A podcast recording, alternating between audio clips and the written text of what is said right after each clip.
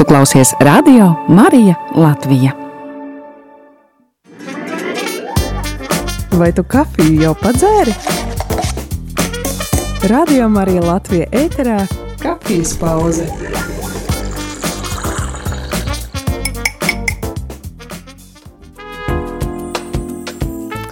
Labdien, labdien, rādam arī klausītāji, šeit es, priesteris Jānis, un šajā kafijas pauzē ir mani kopā kāds viesis, kuru es jau viņam vēl pirms sākās šis raidījums teicu, droši nemaz nevajag iepazīstināt, jo daudzi no jums iespējams pat arī sekojat līdzi, tas ir luterāņu mācītājs Induls Paičs, teologs ar meditācijas apzinātības prakšu, skolotājs, uh, doktorants vai jau pabeidzis uh, studijas un, un droši vien viss kaut kas vēl arī cits, bet kā tev pašam patīk sevi prezentēt, kad tu kaut kur uzstājies vai kad tevi aicina, kas tu esi tad? Nē, nu es pamatā turos pie tā, ka es esmu luterāņu mācītājs, bet, nu jā, pēdējos gadus esmu studējis arī psiholoģiju doktorantūrā, kā tu pieminēji, pabeidzu pašu programmu, bet, nu kā jau vienmēr vēl tur jāpabeidz viss līdz galam.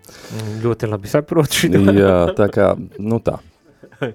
Bet, un, un es, es ar nodomu, protams, ar pieminu, ka esi meditācijas un apzinātības prakšu skolotājs, jo man likās, tā ir viena no tādām um, modes lietām, kā arī pats pirms, pirms mēs sākām teici, ka tāda modes lieta, kas uh, varbūt tās pamazītiņām jau arī izzūd, bet tomēr vēl joprojām par to ik pa brītiņam kaut kur lasām vai dzirdam, un, un visi, kas grib būt uh, uh, moderni vai apdeitoti, tad viņi meklē kaut ko tam līdzīgu. Bet uh, mans tas jautājums ir tev, kāpēc tu māci šīs prakses? Un vai šīm praksēm vispār ir arī kāds sakars ar reliģiju, ar kristietību?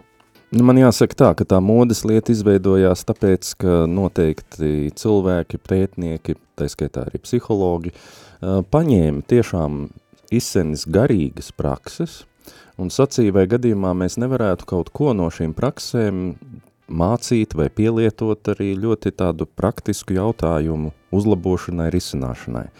Tā jau tas daudzās, starp citu, dzīves jomās ir noticis, ka vispirms kaut kas rodas, teiksim, tās pašas kristietības paspārnē, un vēlāk tas tā kā mazliet atdalās. Ja.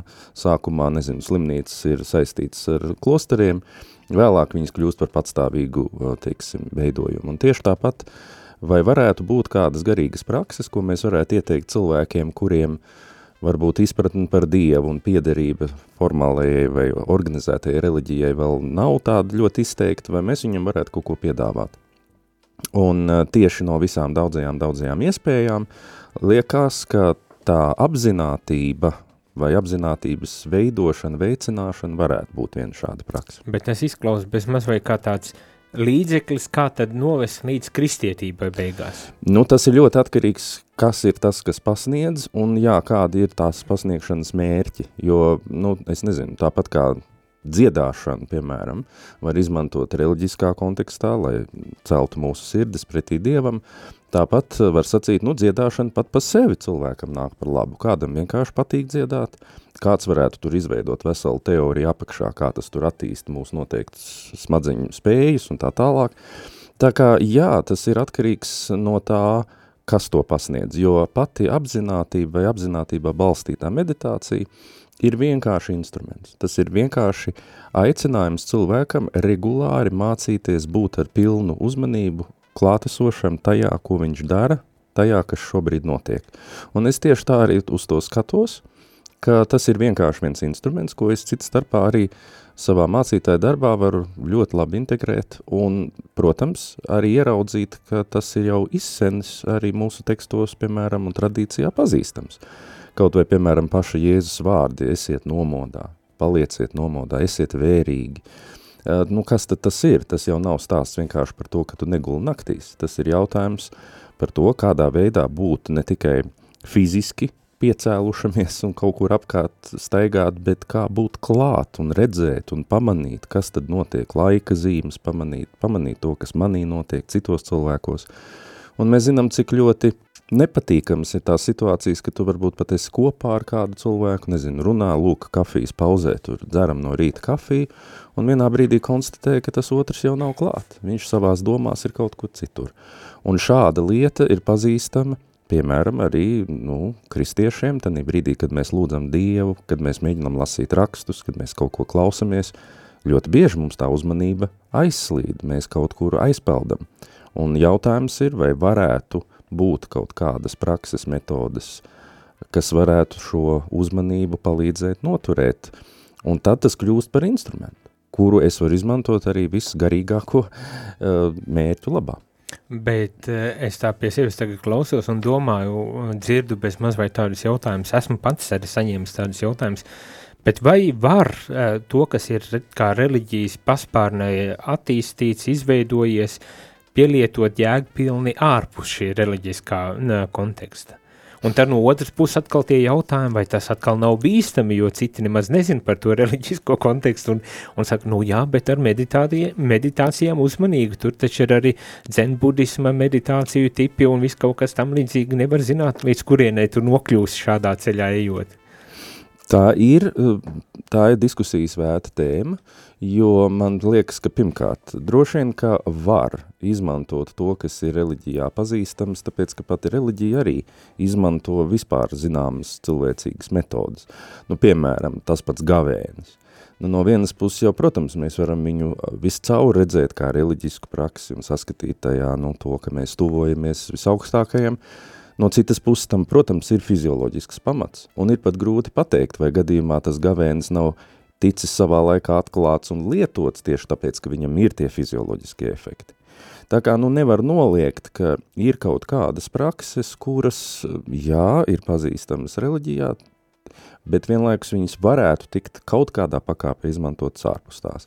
Kas ir ļoti interesanti, tad, mm, jā, bažas ir no abām pusēm, savā laikā, tad, kad sāka par šo apzinātības meditāciju pirmie autori, nu tādā sekulārā vai laicīgā vidē runāt, bija kādi, kas protestēja tieši tāpēc, viņi teica, jūs te tagad velkat iekšā vienkārši, nu tādu lietu, kam tur kādi cilvēki tic, bet tam nav nekāda pamata. Un izrādījās, ka nē, papētot, pa, paskatoties, kas tad cilvēkiem notiek, ja viņi mācās būt klātesoši un vērīgi, izrādījās, nē, tur tiešām pārmaiņas ir, tas ir objektīvi konstatējums, un tika izcīnīt zinām cīņa, kamēr tas iegāja tajā pašā zinātniskajā, teiksim, laukā, un kļuva par tādu, kā moderni saka, pierādījumos balstītu metodi. No citas puses, jā, ir bijušas aizdomas arī no reliģisko cilvēku puses, un kas ir man jāpiebilst, ko rāda tieši pēdējo gadu, pēdējo gadu desmitu pētījumi, tad ir tā – ka ja šīs metodas pilnīgi mēģina atdalīt no reliģiskās eh, sākotnējās vides un tēmas, viņas zaudē savu efektivitāti, kas ir ļoti interesanti. Tā tad var redzēt, ka jo kāds mēģina teikt, es jau jums te tagad nekādus tādus eksistenciālus un garīgus jautājumus nekustināšu, es vienkārši jums mācīšu elpot un būt klāt, nu tad arī tas efekts ir ļoti mazs. Ja, piemēram, cilvēkam saka, ka, nu jā, man ir mana pārliecība un tur ir kaut kādi tādi un tādi pamati, mēs te godīgi to atzīstam, tad bieži vien, eh, kā tu teici vienā brīdī, tāda, nu, it kā ļoti tehniska mācīšanās meditēt var kļūt par tādu kā āķīti, kur es sāku jautāt, paga, bet kas tad vēl? Es kļūstu vērīgs, es sāku interesēties par visām šīm lietām, un es aizēju līdz tiem lielajiem garīgajiem jautājumiem. Man ne, jo, nu, um, es vienkārši pie sevis tā par sevi arī domāju, nu, jā, nu, nu tu jau tāpatās, jebkuru brīdi nevari būt uh, vērīgs un, un, un, un, un tad ir tas, jā, bet kur tālāk tas aizved? Vai nekur neved, vai, vai man vienkārši ir visu laiku tādā sasprindzinātā uzmanībā ir jābūt pret visu, kas notiek. nē, nē, nē, tur tas, tā būs viena no lietām, kas tiks arī sacīta godīgi un taisnīgi, ka tieši tāds saspringums jau to vērību sašaurina, varbūt kaut kādu vienu jautājumu tu vari tad precīzāk atrisināt, bet kopumā tu pret dzīvi kļūsti kā tas profesors, kurš sēž vilcienā, kurš ir tik ļoti koncentrējies uz savu tematu, ka viņš aizbrauc garām vienkārši savai stacijai regulāri. Līdz ar to m, mm, tur ir visādas nianses, eh, bet es piekritīšu, ka m, mm, vēlreiz tas ir vienkārši instruments. Eh, kā tu viņu lietosi? Eh, cik, piemēram, nu, nu, tas tāpat kā, piemēram, cik lielā mērā cilvēkam ir jāattīsta prāts. Cik lielā mērā viņam ir jātīst loģiskā domāšana, kritiskā domāšana, tēlainā domāšana, cik lielā mērā viņam ir jāspēj tikt galā ar savām emocijām. Ja tas kļūst par pašmērķi, mēs varam nonākt pilnīgi uz līdzenas vietas kaut kādās lamatās un kaut kādos apburtajos lokos, kur cilvēks visu laiku tagad mēģina dzīt augšā savu tur intelektuālo potenciālu vai tur nezinu ko ar savām emocijām darīt vai lūk, piemēram, apzinātību. Vienkārši apzinātības dēļ mācīties.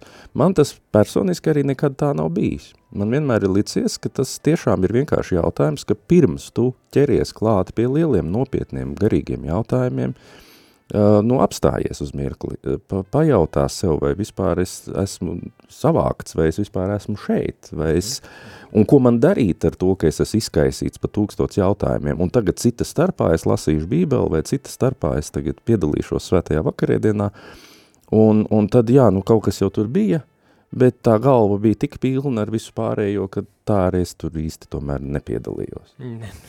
arī tā, diemžēl, mēdz būt. Jā, jā. Uh, baigi labi, forši. uh, tas viss ir, uh, principā, arī ar tādu domu, vismaz es redzu šo, šīs metodas ļoti labi izmantojams tieši garīgajās praksēs, un ka tā ir daļa no garīgās dzīves, principā, tam ir jābūt, ja pretējā gadījumā, jā, tad uh, viss kaut kas notiek un, un netieku galā ar tām lietām.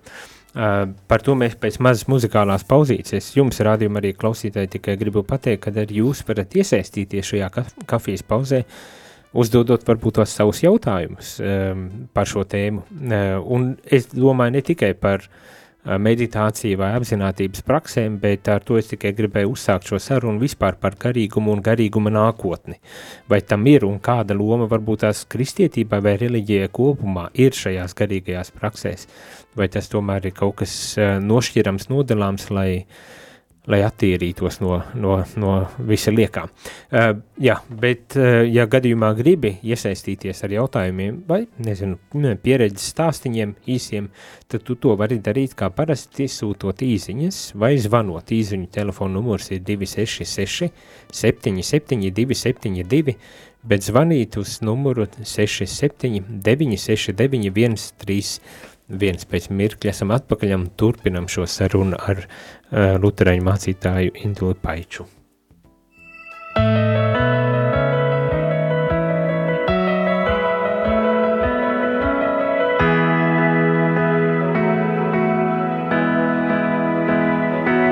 Nie chcę Ciebie ograniczać, przecież jesteś wszechmogący Boże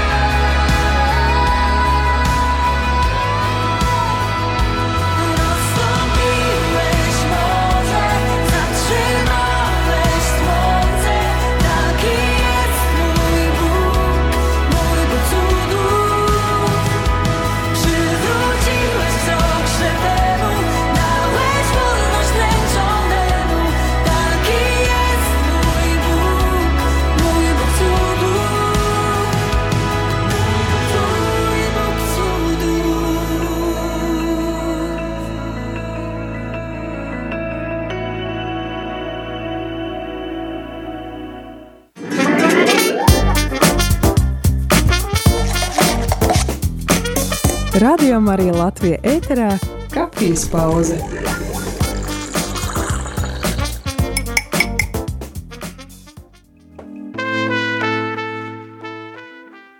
Labdien, labdien, rādījumā arī klausītāji, šeit es priesteris Jānis un luterāņu mācītājs Induls Paičs, un, lai arī sākumā uh, uzdevu jautājumu par meditāciju un apzinātības praksi, tad uh, tas principā ir doma ir, lai parunātu par garīgumu, uh, ievadītu sarunu, jo man šķiet, ka uh, daļai cilvēku garīgums arī asociējas ar šādām modernām lietām?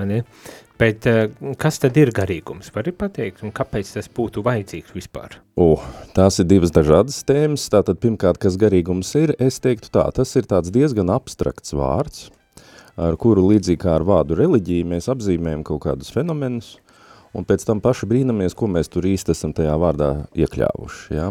Jo tā parādība tiem abstraktiem jēdzieniem ir tāds, ka, jā, man, ir, man teiksim, varētu būt vārds auglis.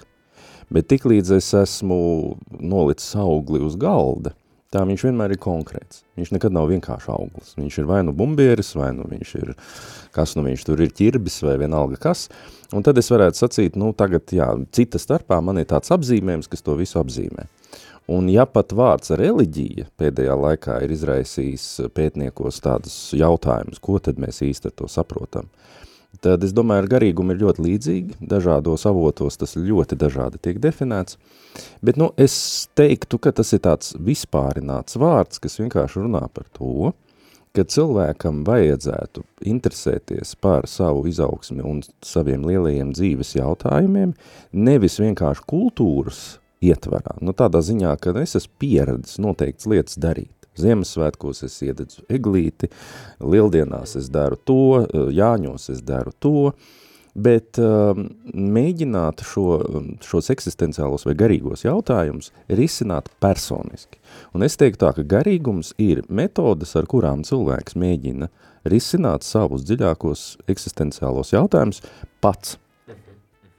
Atšķirībā no tā, ka es vienkārši piedaru grupai un ar tā manā vietā tos jautājumus atrisinās. Un tas daudziem mūsdienu cilvēkiem liekas simpātiski pie šīs lietas. Viņi saka, viņi jūt, ka ir cilvēki, kas, piemēram, var pat apmeklēt, nezinu, divnam vai tur templi vai sinagogu. Bet tad, kad viņš atnāk mājās, viņš pilnīgi īstenībā nedomā par šīm lietām un dzīvo diezgan briesmīgi un attiecās diezgan briesmīgi, bet nu, viņam ir vienkārši tāds paradums. Noteiktā laikā aiziet noteiktā vietā un tad viņš jūtās, ka kaut kā viss ir kārtībā, viņš ir labs pilsonis, labs cilvēks. Ka tā vietā taču vajadzētu būt, ka tava ticība tevi maina. Un tanī brīdī, tā runājam, jā, tā mēs runājam, tā mēs, es tiešām tā domāju, ka tā arī ir. Un tad ir tas jautājums, nu kā apzīmēt to, ka tu tici nevis vienkārši ejot kaut kam citam līdz, bet ka tu tiešām to dzīvi praktizē. Un te ir vēlreiz, nav garīguma, eh, kurš nebūtu konkrēts ja viņš ir, nu, mēs varam vēlreiz spēlēties ar šo vārdu, mēģināt kā zinātnieki vai sazin kādu citu cilvēku, mēģināt aprakstīt, ka lūk ir dažādas cilvēku grupas, kas kaut ko tur dara. Mm -hmm. Bet mums garīgums vienmēr ir ļoti konkrēta lieta, kā tu savus lielos jautājumus uh, saisti ar to varbūt tradīciju vai, vai, vai ticību, kas tev ir. Kā tu to ticību mācies attiecināt uz lietām, jo mēs zinām, piemēram, tādu uh, slavenu fragmentu no evaņģēlī, kur reiz Jēzus ir kopā ar saviem mācekļiem un izceļās vētra jūrā, uh, un, uh, vācakot, mācekļi tur nobīstās, un tad beigās viņi nāk pie Jēzus un saka, nu, glāb mūs, mēs te grimstam, un Jēzus apsauc to vētru, un pēc tam viņš saka, nu, kāpēc jūs esat tik bailīgi, masticīgie, jūs masticīgie. Un uh, Šai brīdī es gribētu uzsvērt, ka ja šiem mācekļiem, piemēram, pajautātu, vai tu tici Dievam, es domāju, viņi teikt, nu, protams, vai tu tici, nezinu, nu, vēl kaut kādiem svarīgiem tu ticības postulātiem, jā, protams, vai tu tici mūžīgai dzīvībai, visticamāk viņi teiktu jā. Un pēkšņi ir šis jautājums, bet tagad ir vētra, un vai tu tici, ka Dievs var palīdzēt arī šajā situācijā. Mm, jā, nu tur, tur tā.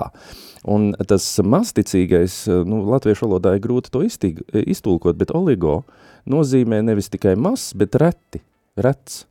Un tad varētu sacīt tā, ka ir ticība, kura pārklāja mūsu dzīvi, bet uh, viņai tādi caurumi, kur varētu sacīt, nu jā, nu tajās lielajās lietās es uzticos, bet tajos sīkumos nē.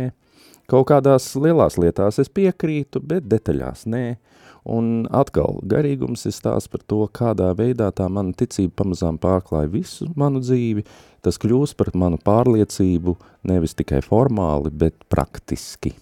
Nu jā, un tad, nu, tad es tā vismaz jūtu, ka te arī tas jautājums, kāpēc vispār uh, tas būtu vajadzīgs, uh, arī parāds, vai ne, uh, drusītiņi, bet varbūt tās tu vari attīstīt, nu, kāpēc mums būtu vajadzīgi, vai te nevar tā dzīvot vienkārši uh, retaini uh, kaut ko. jā, jā, jā, brīžiem. brīžiem vai, Nu, Jā. tā, nu, cilvēki ir iera- ieraduši, piemēram, nu, baznīca arī, nu, viņi iet uz turieni, jā, viņi varbūt tās izpilda to mehāniski vai nedomājot, un tas kaut kādā ziņā pat neietekmē tos cilvēkus, bet, nu, viņi jūtas, ka viņi ar to tomēr izpilda kaut ko, iespējams pat svarīgu. Nē, nu, noteikti, ka tās viens kaut vai tas elements, kas tavā dzīvē ir, ir ļoti svarīgs kaut vai tāpēc, ka no tā var kaut kas izaugt. Varbūt tu 10, 20 gadus tur ej un pēkšņi, nezinām iemeslu dēļ, kaut kas ir savādāk un tu sāk dzirdēt un sāc to visu uztvert nopietni. Kāpēc to vajadzētu? Tāpēc atkal, ka mūsu dzīve īstenībā vienmēr ir konkrēta. Un man patīk šeit gandrīz anekdotiskais jautājums, ko kādreiz jautā, nu, vai tu mīli visus cilvēkus vai arī kādu konkrēti, ja? Un man brīžiem ir tāda sajūta, ka mēs varam, piemēram, daudz runāt par mīlestību, kas ir kristietībā galvenais mērķis, uz ko mēs uh, virzamies savā garīgajā attīstībā. Uh, mīlestība, uh, nu, ir vārds, ko mēs varam ļoti, nu, piesaukt un teikt, jā, tas ir svarīgi, un, un Dievs ir mīlestība, un kas paliek mīlestībā, tas paliek Dievā, un pēc mīlestības var pazīt Kristus mācekļus, bet tad nāk konkrēta situācija, ne, un tas kaimiņš tomēr ir nejauks. Un tad brīdī tur arī viss beidzās, tur tas caurums parādās. Un um, mana mācītāja pieredze rāda, ka cilvēks var ilgstoši dzīvot ilūzijās, ka viņš ir savus vēlreiz lielos garīgos jautājumus kaut kā, kaut kādā pakāpē atrisinājis. Un tad, kad viņš, piemēram, nonāk kritiskajos brīžos, kad viņam īstenībā vajadzētu tai viņa ticībai un pārliecībai palīdzēt, tad viņš konstatē, mm, tā bija tikai tāda glazūra, tāda virskārta, tur īstā tā seguma nav. Tas ir tā kā, nu nezinu, tu redzētu, teiksim, kaut kādu tur balstu savai mājai un domātu, ore, ka izskatās, ka tas ir tāds stabils betona, teiksim, gabals, ja, un beigās tu viņam pieskaries, nē, izrādās tas bija no papīra uztaisīts, vienkārši viņš izskatās tā. Un eh, tāpēc tie kritiskie brīži bieži vien ir tie, kas arī pamodina cilvēkus garīgumam. Uh, bieži ir tā, ka kamēr dzīvē daudz maz viss ir kārtībā, ir tieši tas, ko tu teici. Nu, man arī neko nevajag vairāk. Taču viss ir labi, viss notiek pats no sevis. Un tad kāds piedzīvo, ka ir veselības sāsinājumi, piedzīvo, ka kādus lielus zaudējumus, un tad brīdī tu pēkšņi saproti, nu, nekas jau nav man neskaidrs, ne man ir kārtībā, ne arī šajā kritiskajā brīdī tas man palīdz. Problēma ir, protams, tā, ka tanī brīdī kādreiz ir pa vēlu, vienkārši, nu, tagad dakteris eh, tev pasaka, tev ir divas nedēļas, nu, nu ko tu tur daudz, nē, nu, daudz ko var izdarīt, bet tai pašā laikā laiks ļoti ierobežots. Eh, Kādreiz, tad, kad ir rīktīga krīze, tad, kad jau tu esi, nezinu, dziļā depresijā, tad sāk tagad aktīvi kaut ko vispār mācīties darīt, arī īsti nav īstais laiks. Līdz ar to es aicinātu tomēr mums būt prātīgus un saprast, ka cilvēks attīstās divos veidos, vai nu stihiski, vai nu apzināti. Stihiski nozīmē, ka tu vari, piemēram, daudz ko iemācīties caur dzīves sitieniem un triecieniem.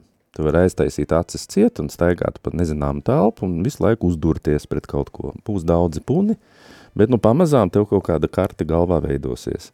Un tieši tāpat arī cilvēks var nekad īpaši apzināti ar garīgumu nenodarboties, bet viņam piedzimst bērni, viņam tur, nezinu, pašam pienāk noteikts vecums, un pati dzīve mūs māca. Un es domāju, ka tā ir tā dievišķā gudrība, starp citu, ka, ka cilvēks ļoti daudz ko iemācās, vienkārši nodzīvojot dzīvi. Bet tas ir stihiski. Un kādreiz tu vari uzdurties uz kaut kādu asumu, pa to tajā aklajā veidā staigādams, ka tu beigās, nu, savaino sevi. Un eh, tāpēc tas stihiskais eh, visās lielajās garīgajās tradīcijās, kā man gribas viņus saukt, tātad lielajās reliģijās, tiek sacīts, ka nē, nu nē, Uh, mēs taču varam mācīties apzināti. Kaut ko jau mēs varam iemācīties vienkārši tāpat, bet mēs varam iet un mācīties, un mēs varam attīstīt noteiktas spējas. Nu, jā, ja, ja, ja nepatīk tie puni un zilumi un vispārējais, ir cits veids, kā to varētu Jā. izdarīt, vai ne? Uh, ejam vēl vienā muzikālajā pauzītē. Atgādināšu ar jums, rādījumā arī klausītāji, varbūt tās, ja ir interesi uzdot kādus jautājumus tieši par šiem jautājumiem ar saistībā ar garīgumu, tad uh, to vēl projām varat darīt. Telefona numurs īziņām 266 77 272, bet zvaniem 679 69 131 pēc muzikālās pauzes esam atpakaļ un paturpinam šo sarunu par garīgumu un, un man gribas tā uh, saprast, bet uh, kāda tu, tur ir saistība tai reliģijai vai kristietībai patiesībā? Un it īpaši šodien, kad uzsākam kristiešu vienotības nedēļu, tad zināt saprast, kāda loma kristietībai tajā garīgumā vai nav un var, vai, vai nebūtu labāk nošķirt vispār šīs divas lietas, Eh, jo nu, kaut kas tur institucionālā baznīca nespēja tik, tik galā ar tām garīgajām praksēm vai, vai otrādi, nu jā, šos jautājumus, bet tas jau pēc muzikālās pauzes.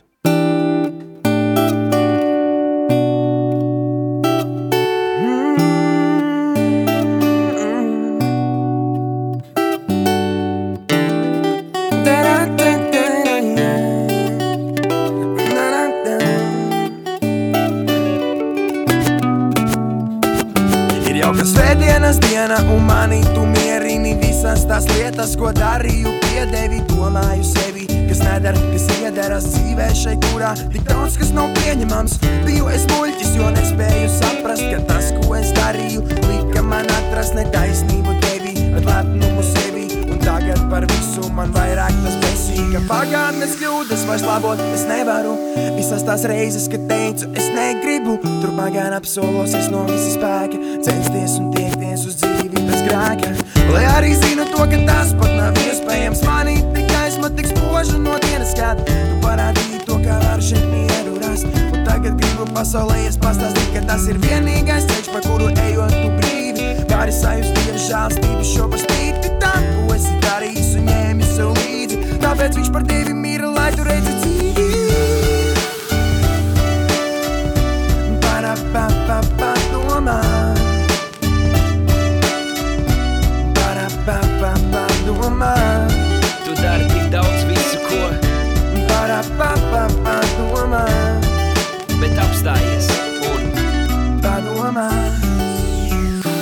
vakaros vēlos saules gaismu spīd. Skaistā dzīves puse, daudz te līdzīgu parādību. Pasaule neredz aptrakusi, sirds puksti un rīts. Ceļu neredzi, klusi tiem līdzi. Es būšu tur rīt, kur mūžība mīt, bet ja ne rīt, vienalga zinu, viss piepildīts. Manai rīcībai ir sekas, citādi es nevaru, jo ticība nav akla. Mācos ikdienas ieklausos vārdos, jo tie ar mani izdara, kas nav mūsu spēkos. Seko līdzi, Para-pa-pa-pa domā.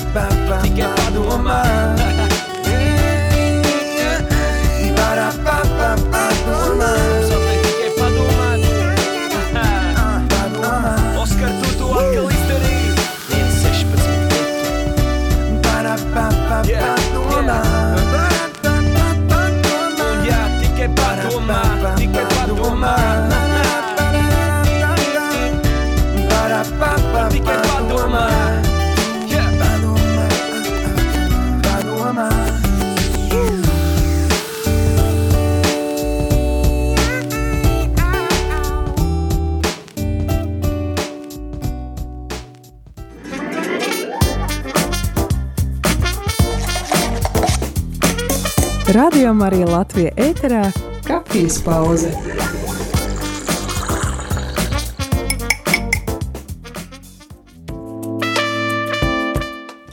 Labdien, labdien! Kafijas pauze iet jau uz beigām. Šeit es, priesteris Jānis, un ar mani ir viesis... Induls Paičs, Luterāņu mācītājs. Sirsnīgs paldies par to, ka piekriti. Uh, Atnāk parunāties, un atkal jāsaka, varbūt tās pat līdz galam nezinu, uz ko tad ir atnācis, vai ne? Bet neskatoties to, mēs saņemam, es domāju, ļoti labas atbildes, un varbūt tās arī um, liek mums aizdomāties par kaut kādām lietām, kas mums ir šķitušas tik ļoti pašsaprotams, un man šķiet, uh, mums vismaz katoļu baznīcā ir ļoti daudz tādas pašsaprotamības, kuras tādas nebūtu nemaz um, nav, bet esam tik ļoti ieraduši. Un viena no tām lietām ir garīgums, kad, uh, man liekas, tas arī novests līdz tādai absurdai pašsaprotamībai, kas, uh, kas pilnīgi nav pašsaprotama šobrīd.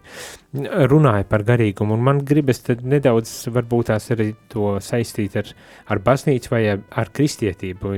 Visu reliģiju arī būs grūti ietvert, bet uh, kristiešu vienotība vajag saprast, kāda tad ir tā mm, sakars tam garīgumam ar, ar kristietību, kāds sakars varbūt tās arī ar baznīcu, institucionālo baznīcu, vai ir sakars vai nav sakars, vai varbūt tās labāk, ka nemaz nav nekāda sakara, nu, jo tas viss tik dažbrīd šķiet tik ļoti svešāds uh, institucionālajai baznīcai. Un, un otrs puses atkal ne, ir, ir, ir citādāk? Bet uh, kādas tavas domas? Nu, man liekas tā, ka garīgums tas eh, ir viens no tiem terminiem vai vārdiem, kurus mēs sākam lietot tanī brīdī, ka kaut kas īsti līdz galam nedarbojas. Uh, jo man ir tāda pārliecība, ka kristietība vienmēr ir garīga bijusi, garīgumu praktizējusi, tas nav nekas tāds jauns un speciāls, un varbūt tieši tāpēc šobrīd kādos cilvēkos vai, vai mūsu ausīs šim jēdzienam ir tā kā mēs nevaram saprast, ko ar viņu darīt, jo ir viena daļa cilvēka, kas teikt, nu, bet tas jau ir, ko mēs darām. Tas, tā ir vienkārši, jūs runājat vienkārši par kristietību, jūs runājat par kristīgo dzīvi, kristīgās dzīves praksi, un tad mums nevajag nekādu speciālu terminu, mēs vienkārši praktizējam savu kristīgo dzīvi. Un kāda cita saka, nu jā, es to visu saprotu, bet es lūk vēlreiz pieminot to jau pieminēto piemēru, es atnāku uz dievkalpojumu, un es kaut ko tur neapšaubām saņemu, savādāk es nenāktu, bet te pašā laikā man sajūta, ka pamaz, nezinu, ka tanī brīdī kaut kas tā kā vēl pietrūkst, es gribētu varbūt pat iet vairāk, un es tiešām esmu sastaps cilvēkus, kuri ne jau, nu, ne, es domāju, visās konfesijās tā ir, bet es varu runāt tikai par savēju arī, kuriem tiešām ir tā sajūta, man tā kā pietrūkst. Un viņi zem tā vārda garīgums saprot, kā lai saka to pašu kristietību, bet tikai nu, tādā intensīvākā, realistiskākā uh, māceklības īstenībā nozīmē. Jā, tā kā es teiktu, ka es nevaru iedomāties uh, kristietību bez garīguma. Jautājums ir, vai mēs lietosim šo vārdu un kā mēs viņu lietosim, vai mums obligāti viņš ir jālieto, bet es runāju par būtību. Uz ko tas vārds rāda? Viņš rāda uz to, ka cilvēks praktizē, ka viņš mācās, ka viņš vingrinās. Tas ir tā kā, nu nezinu, mazs bērns, ja viņš grib iemācīties spēlēt klavieres, tad viņam viņas ir jāspēlē. Viņam nepietiks izlasīt grāmatu, par solfeģo grāmatu, par to, kā klavieri ir uzbūvēti. Un tās ir vienkārši divas dažādas lietas. Un tieši tāpat arī kristietība. Vērts ir atcerēties, ka kristietība ir zināmā mērā pirmkārt prakse, bet otrkārt prasme. Tā ir šī dzīve mīlestībā. Nu, kā jau Kristus mums arī sacīja, augstākais bauslis mīli Dievu, otrs līdzīgs mīli savu tuvāko, kā sevi pašu. Ja cilvēks varētu sacīt, es zinu, ko nozīmē mīlēt Dievu, es zinu, ko nozīmē mīlēt tuvāko, es zinu, ko nozīmē mīlēt sevi, brīnišķīgi. Es iešu, iešu pie viņa mācīties. Uh, bet nu, jautājums par to zini. Ja? Vai es esmu izlasījis grāmatās to, vai es esmu uh, piekritis tam, ka tas ir svarīgi, jeb es esmu iekšā tajā. Nu tā, ka es tiešām tas ir, ko es spēlēju, tas ir, ko es protu, tas ir, ko, kas man nāk beigās jau dabiski, automātiski. Un es domāju, ka šādā nozīmē kristietībai nākotne ir tieši tajā, ka viņa atkal un atkal meklē šos instrumentus, kā pati savu pārliecību iemiesot. Līdzīgi kā Kristus iemiesoja mums debes tēva uh, klātbūtni un, un, un, un to, kas Dievs ir, tieši tāpat uh, mums ir jāiemieso visi tie augstie ideāli, vērtības, morāls principi un tā tālāk, kas ir ļoti svarīgi, bet viņi kļūst mazliet par karikatūru, ja cilvēks paskatās uz mūsu dzīvi un saka, nu tu jau tu tā pilnām mutēm runā. Bet nu, kaut kā gribētos tos augļus redzēt. Un, un tad mēs nevaram sadzīt, nu jā, nu es esmu vienkārši grēcīgs cilvēks, ko tu gribi no manis. Nu, to mēs parasti darām. Tas Jā, jā, nē, nē, nu, nu skaidrs, mēs jau arī to tā darām, un luterāņi, starp citu, tīpaši labi to māka, vai ne, ka mēs vispār bez darbiem tiekam pestīti, jā, un tā tālāk, un mēs varam to tādā veidā pagriezt, ka cilvēks teiks, vispār, tas nav jautājums. Kristietība ir vispār tikai stāsts par to, nu kā man iekļūt debesīs. Un paldies Dievam, jāsaka, man tas nav sarežģīti, ja. Un tad es saku cilvēkiem, klausies, bet, bet tās debesis jau ir šeit, viņas jau sākas tagad, un tad viņam liels acis kā tā. Es saku, nu, bet tā jau ir tā mīlestība, ka tu jau nedzīvo mīlestībā, lai par to tu dabūtu debesu dārzus. Es atvainojos par tādu izteiksmes formu. Tu saproti, ka pati dzīve mīlestībā jau arī ir tas vislielākais ieguvums. Tur nav, kas man būs par to, ka es būšu kopā ar Dievu, citiem cilvēkiem un, un tā tālāk. Tā jau ir tā pieredze, un tu vari sākt viņu mācīties labi, es piekrītu dzīves laikā. Visiem mums tas ir neaizsniedzams mērķis, tur ir ko augt un augt, bet tā pašā laikā tu vari sākt. Un lūk, kas man palīdzēs kļūt mīlošākam cilvēkam? Mīlošākam pret Dievu. Ko tas vispār nozīmē? Mīlošākam pret tuvāko. Ko tas precīzi nozīmē? Mīlēt cilvēku kā sevi pašu, pagā, kas tad to mani pašu? Vai tas ir automātiski, es sev mīlu? Varbūt es ienīstu, es varbūt īstenībā esmu šausmīgi kritisks pret sevi, vai tā arī tur, tur tā, kas tas ir? Un tad, kad cilvēks šo sāk aptaut, apjaust, tad viņam rodas jautājums, nu pagaid, bet dodiet man instrumentus. Nu, ļoti labi, es klausos, es piedalos, es paskatos. Skatos uz ceremonijām, piedalos ceremonijās. Neapšaubām, tas ir instruments, bet vai ar to pietiek? Un kas tad vēl ir bez tā? Un es uh, gribētu teikt, ka kristietība vienmēr to ir meklējusi un atradusi, un viņi vienmēr arī piedzīvojuši ļoti praktiskā veidā, ka tas, kas strādāja pirms trījiem gadsimtiem, šobrīd nestrādā, šobrīd ir jāapmeklē, jāmeklē jaunas formas, bet es esmu kopumā optimists. Es domāju, ka kopumā baznīca, nu es šajā gadījumā saprotu to visuniversālākajā nozīmē, kristiešu kopiena, kristuma piederīgo cilvēku kopiena, viņa nu, neapšaubāmi tiek svētā gara vadīta un tajā parādās aizvien jaunas lietas, kas cilvēkiem palīdz. Nu jā, un e, varbūt tās tā nobeigumā man gribas vēl vienu jautājumu, man ir nedaudz provokatīvu un e, nedaudz mm, paturpinot arī šo tēmu mm, par to baznīcu, ko tu saki tiem, kas saka, jā, baznīca labi ir nepriekš manis, man pietiks ar garīgumu. Nu tā nošķir e, baznīcu institucionālo, mēs tur precizējam, vai ne, mm -hmm. nu, tieši visas tās ceremonijas un mm -hmm. visas tas e, morālas prasības un viss kaut kas cits, kas mūs tā nogurdina un nospiež beig, beigu beigās. Man, man pietiks ar to, ka es, es aizēju mežā pie ozolu, man ir labi. Un, un es tur satieku Dievu, kas principā arī var būt taču, nu, Jā, es domāju, ka nu, te vajadzētu plaši izvērsties, bet es īstenībā sacītu, ka mm, tas ir ļoti, ļoti plāns ledus, ja cilvēks tā saka. Vēlreiz at atcerēsimies, ka garīgums ir abstrakcija, viņš vienmēr ir konkrēts. Jautājums ir, kas tās ir pa praksēm, jo zin kā sanāk savādāk. Cilvēks saka, es, eh, kāpēc man jāiet uz baznīcu? Es varu Dievu mājās lūgt, vai kā tu teici, zem koka, vai ne? Un tā tālāk. Un es varu gal galā bībeli pats palasīt, un es varu gal galā vēl kaut ko pats tur, nezinu, kaimiņiem labu darbu izdarīt. Un tad es vienmēr cilvēkiem saku tā, nu, protams, tu vari arī dziesmas sakomponēt pats, tu vari sprediķu uzrakstīt pats, tu vari arī lūkšanu pašu darīt, bet ja tu to pats mēģinās visu darīt, tici man, tas tev prasīs vairāk nekā stundu vai divas, ko tu pavadi baznīcā. Jo tā ir tāda ilūzija. Mēs vienkārši sakam, es varu pats, un realitātē mēs vienkārši nedaram. Tā ir pirmā problēma. Un otrā problēma ir tāda, es tiešām domāju, ka Dievs ir klātesošs katrā cilvēkā, jo mēs esam radīti pēc viņa tēla un līdzības, jā, griecīgi un tā tālāk, bet nu, mēs nebūtu šeit, ja Dievs mūs neuzturētu no iekšpuses, no, no mūsu esības pamatiem. Bet problēma ir tajā, ka mēs nemākam atšķirt impulsus, kas nāk no viņa, no tiem impulsiem, kas slāņojas virsū, kur ir mani, mani instinkti, tādā ziņā, ka vienkārši egoisms, kur ir mans kaut kāds aiz- aizvainojums, sarūktinājums, kur ir mani kaut kādi tur prāta mežģi, kuros es esmu samežģījies. Un es teiktu tā, ka jā, augstākajā pakāpē viens svētais, viņš aiziet tuksnesī, viņš ir viens pats, un viņš ir kopā ar Dievu. Jo viņš ir iemācījies atšķirt balsis sevī.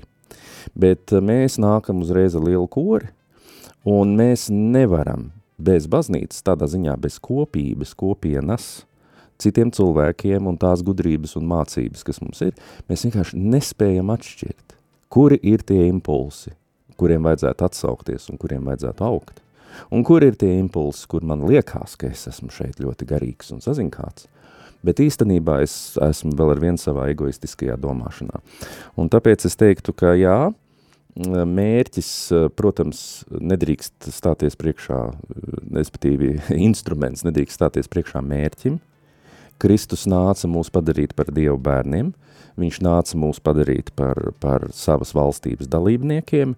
Instruments tam ir viss tas, ko kristieši rūpīgi gadsimtiem ilgi ir veidojuši, kā savu mācību, pieminētās ceremonijas, pieminētos cilvēkus, kas ir noteiktā veidā ordinēti vai autorizēti darboties. Tas viss ir instruments. Protams, ka instruments nav pašmērķis. Protams, ka ja es esmu mājās nolicis klavieres, vēl nenozīmē, ka es esmu pianists. Tas tā tiešām ir. Bet tai pašā laikā, nu, visticamāk, bez tām klavierēm tu neiemācīsies, un arī bez tā klavieru pedagoga tu neiemācīsies, un arī bez tās muzikas teorijas tu neiemācīsies. Līdz ar to um, es vienkārši cilvēkiem saku, esi vērīgs, kas reāli notiek. Vai tad, kad tu saki, man nevajag baznīcu, es būšu garīgs, tu tiešām rezultātā dari visas tās lietas daudz, daudz vairāk un dziļāk, uh, jeb tu vienkārši neko nedari. Un otrkārt, uh, es tomēr iesaku arī visdedzīgākajiem garīgumu praktizētājiem ik pa brīdim, nu vienkārši teorētiski pieļaut tādu domu, ka mēs varam nokļūt tādos garīgos apvadceļos vai, vai maldu ceļos, un vienkārši es teiktu viņam, nu tev vajag kaut kādu referenci. Kāpēc mums ir svarīgi svētie raksti, kāpēc mums ir svarīga baznīcas mācība?